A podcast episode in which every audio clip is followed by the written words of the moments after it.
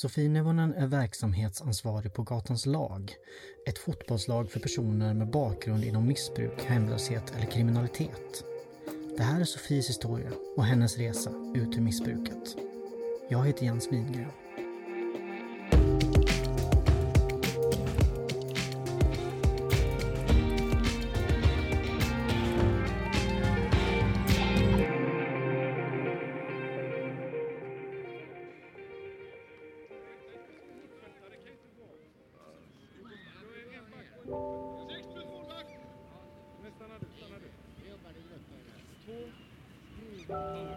Ja, pratar vi mycket gubbar?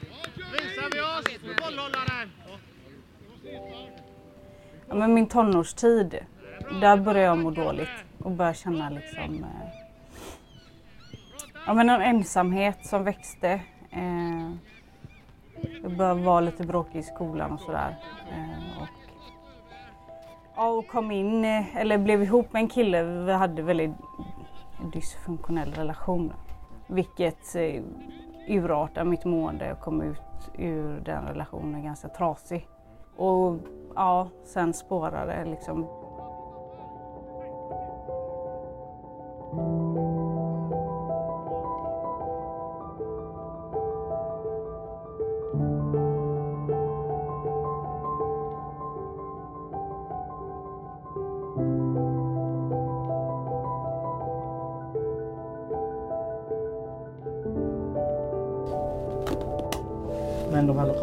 Hade ni eh, gratis? Ja, Från, eh, Kviding, ja, så ja. de är ju stor. Det är ju gött för det är Sofie Nevonen tar emot mig på sitt kontor. Gatans lag har lokaler hos fotbollsklubben Kviding och utanför ligger fotbollsplanerna där man håller träning två gånger i veckan. Laget har fått stor uppmärksamhet under den senaste tiden. I höstas fick man Svenska fotbollsförbundets stipendium number 10 och på Svenska hjältargalan utsågs de till årets medmänniskor. Men Sofie Nevonen hade inget fotbollsintresse när hon växte upp i Mölndal utanför Göteborg. Utan hennes engagemang i Gatans lag kommer ur ett missbruk som tog fart i tonåren.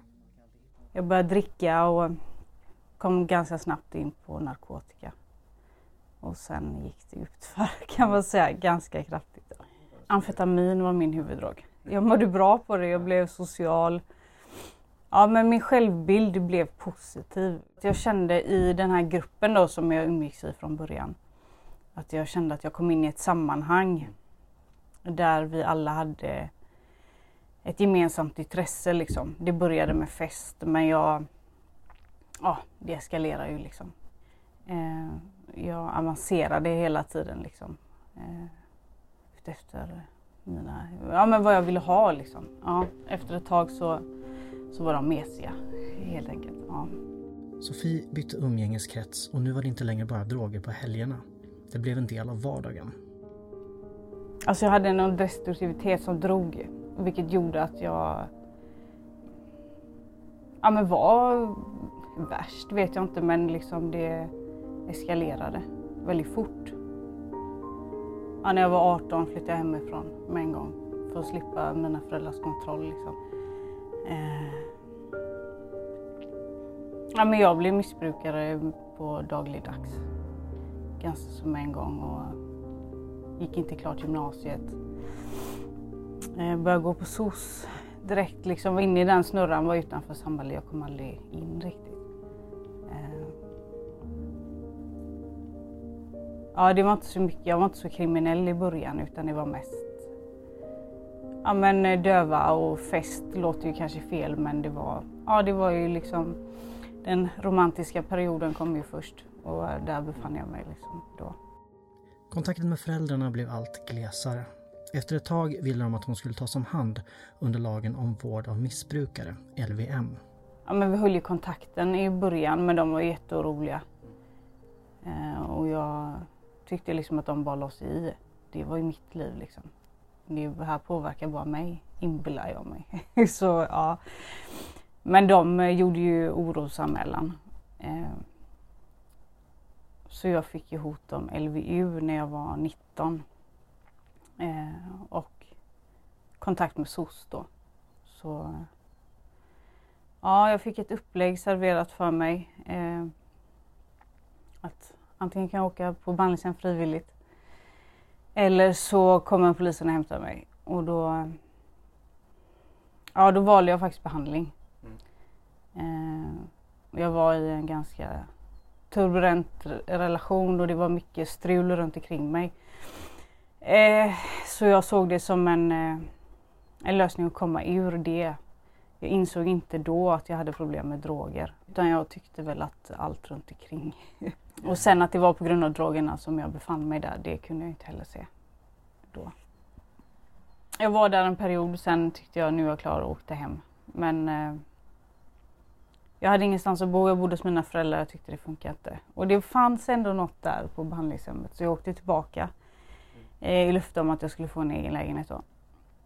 Och eh, var nog där i ett halvår eller något sånt. Ett tolvstegshem. Ja men och tog väl itu med en hel del grejer som jag hade varit med om i mitt missbruk. Så jag kom därifrån och mådde mycket bättre men jag hade ingen ingen tanke någon gång tror jag under den tiden att jag skulle sluta knarka. Jag tänkte, hade den bilden i huvudet att jag kan lära mig och hantera det här liksom. Helt tvärt emot vad tolvsteg säger faktiskt. Men, eh, och det kan jag inte förstå nu riktigt hur jag kunde tänka. Alltså att inte bet liksom. Men jag hade inte viljan och jag ville inte lyssna på det. Det kom, sjönk liksom inte in ordentligt utan det tog ett tag innan jag fattade vad det var jag faktiskt hade lärt mig där. Så var det. Men då, då åkte jag hem, jag fick en lägenhet och jag blev i princip ja, men satt där så. Bra, nu klarar du dig. Jag började knarka med en gång, gjorde jag. Eh, och ja, men mitt missbruk eskalerade väl där mer då. Jag kom in i en ny umgängeskrets som befann sig längre från samhället mer, som sålde droger och man höll på med stölder och bedrägerier och lite sådär. Jag började med sprutor. Ja men de, de som jag hade umgåtts med innan, de var liksom inte intressanta längre. Utan jag ville ha mer. Ja, då sökte jag mig till folk som eh, kunde ge mig det helt enkelt.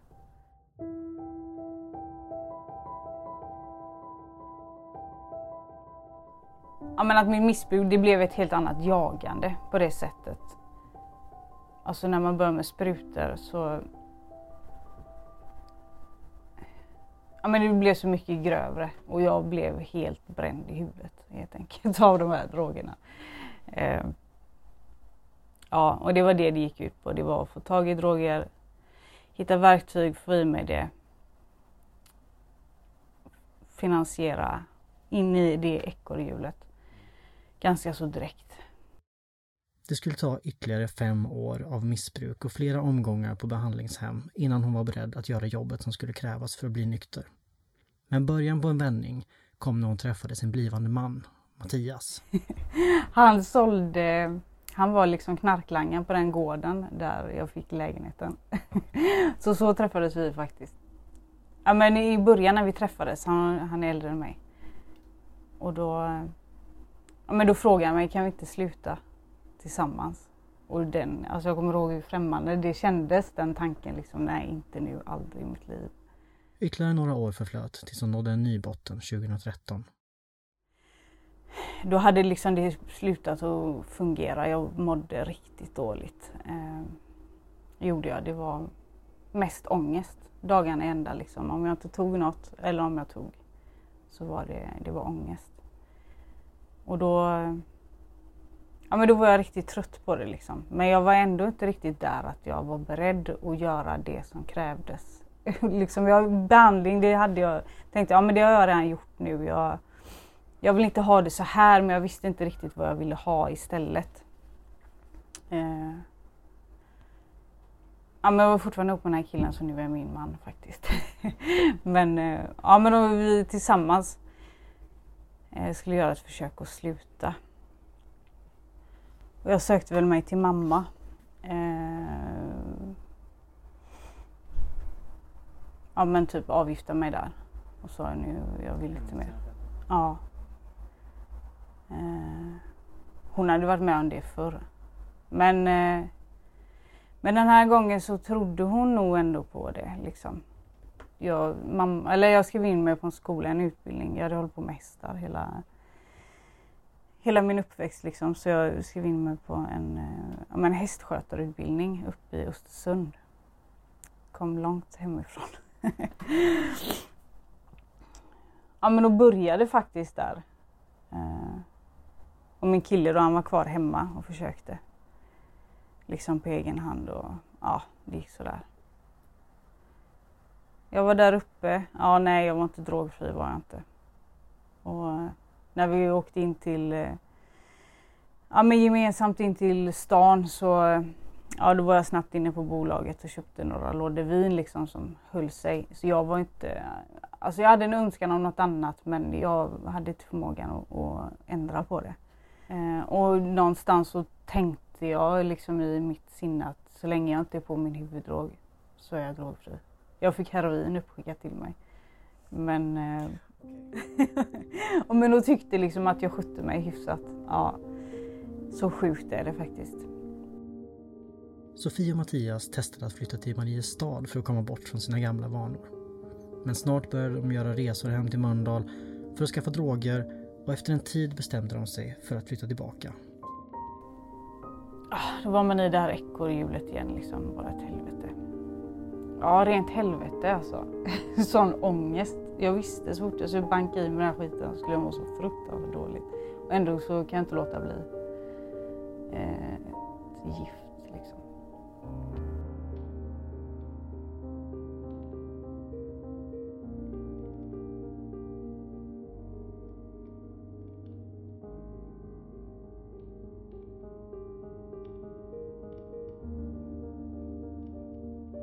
Hålet liksom i, i bröstet. Men eh, ju mer jag höll på ju mer växte det här hålet. Och det spelade liksom ingen roll hur, hur mycket jag tog, vad jag tog, hur mycket jag blandade.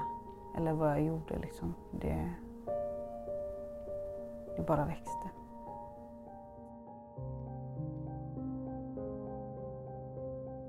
När Mattias 2015 hamnade i fängelse kände både han och Sofia att de var trötta på livet som de levde. Och de började återigen prata om att sluta. Men den här gången med ett nyfunnet allvar.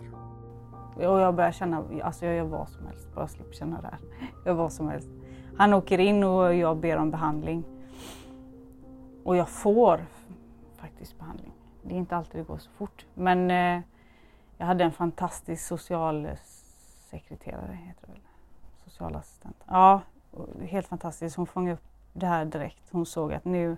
Hon hade väntat ett tag, jag hade haft kontakt med SOS en period. Och, nej men eh, så jag tror det tog en eller två veckor så var jag iväg på behandlingshemmet. och då var jag på det här stället. Då kom jag tillbaka till det ställe som jag var på när jag var 19. Mm. Ja, för jag ville dit. Det liksom såddes ändå ett frö när jag var där om att ja, men man kan faktiskt må bättre. Så jag ville dit och jag fick komma dit. Och då hade jag verkligen slått i botten. Då var jag redo och beredd att göra allt för att ta mig ur det. Och min kille han satt inne då i början. Sen kom han ut och han fick det... Han fick inte alls samma gehör eh, från SOS. Han fick inte den hjälpen.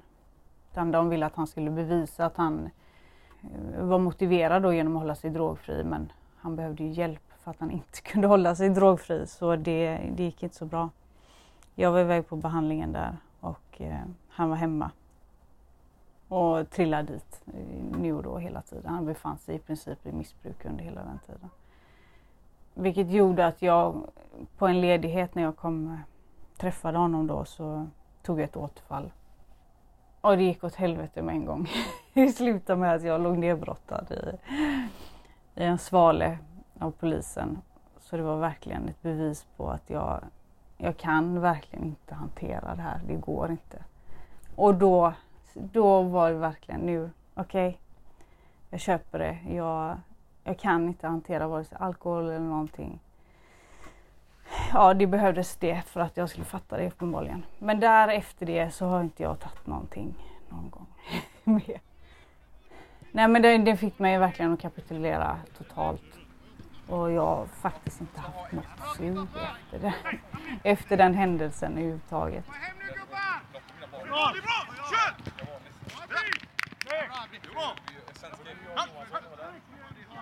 Till slut fick Mattias också hjälp.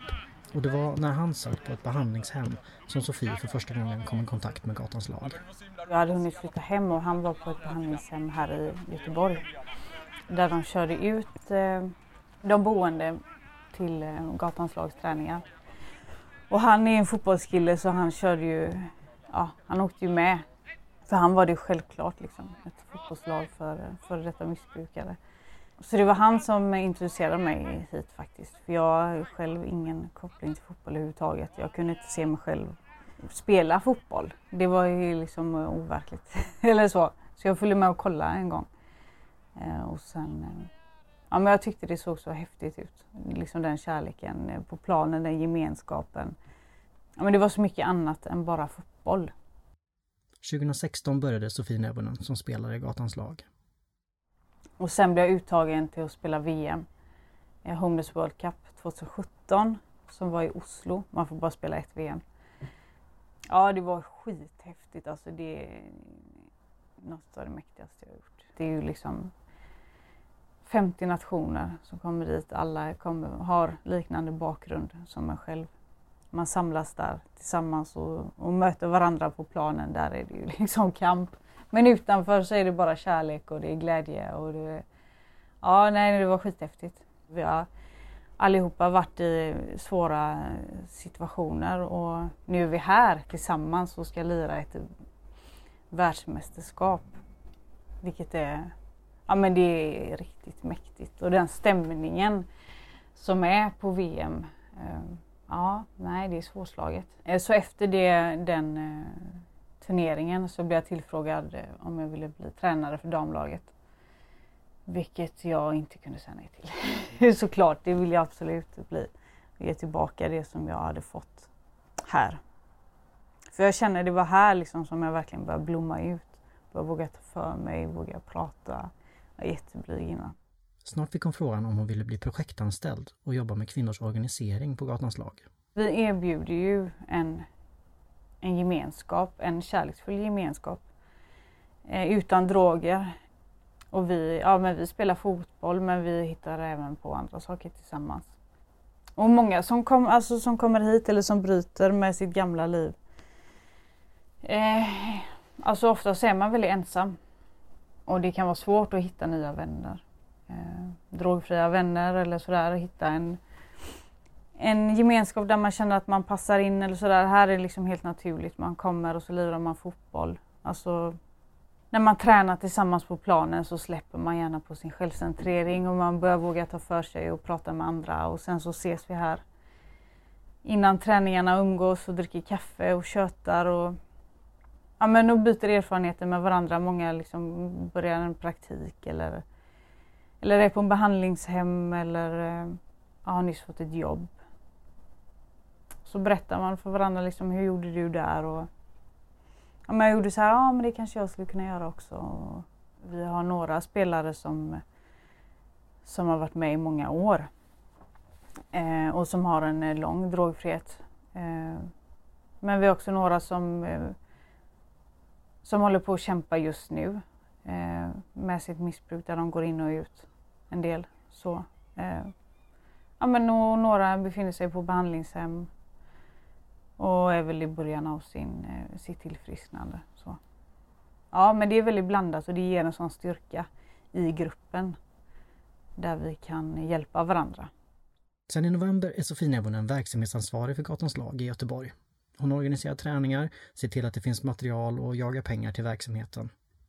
Främst går man runt på bidrag från kommunen, men i november fick Gatans lag ta emot stipendiet Number 10 som delas ut av Volvo och Svenska fotbollsförbundet. Förutom uppmärksamheten som det innebar fick man även en miljon kronor till verksamheten. Det har gjort att vi inte har behövt jaga pengar på det sättet utan vi har kunnat lägga ner krut på och, och start, försöka starta, eller vi kommer starta upp i Malmö och eh, utveckla verksamheten där nere och även, eh, även lägga mer tid på, på våra damlag här. Ja, men det har gett oss en helt annan trygghet där vi har kunnat fokusera mer på vår verksamhet i och med det så har ju många fått reda på att vi finns. Eh, vilket är jättepositivt. Dels att fler har kunnat hitta till oss. Eh, men också att vi har kunnat få till lite mer samarbeten. Och sådär och vårt arbete med att starta upp i Malmö eh, har ju gått väldigt smidigt. Och det är mycket är ju mm, med den hjälpen som vi fick med all den mediala uppmärksamheten. Ja. Och angående sin egen framtid? Jag ska bli mamma. Jag har aldrig varit mamma förut. Men det ska bli riktigt häftigt. Mm, jag längtar efter den här, den här lille pojken. I augusti är det beräknat. Så det är väl det som är nu. Och sen eh, ja, kommer jag tillbaka.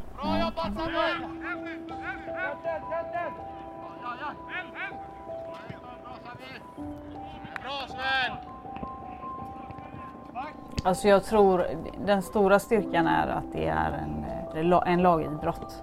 Men sen så har jag kommit att älska fotboll och tycker det är det roligaste som finns. Typ. Alltså, det är ju... Men... Alltså vi hade kunnat spela bandy.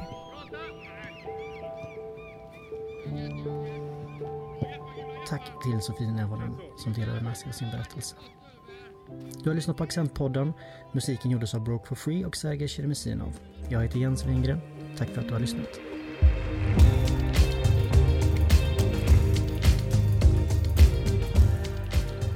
Du har lyssnat på Accentpodden. Accent är Sveriges största tidning om droger och nykterhet och IGT NTOs medlemstidning. Du får gärna höra av dig till oss och berätta vad du tyckte om den här podden och vad du skulle vara intresserad av att höra mer om i framtiden. Du når oss på accent iugt.se. Du hittar våra senaste nyheter på www.accentmagasin.se eller på Facebook. Tack för att du lyssnat!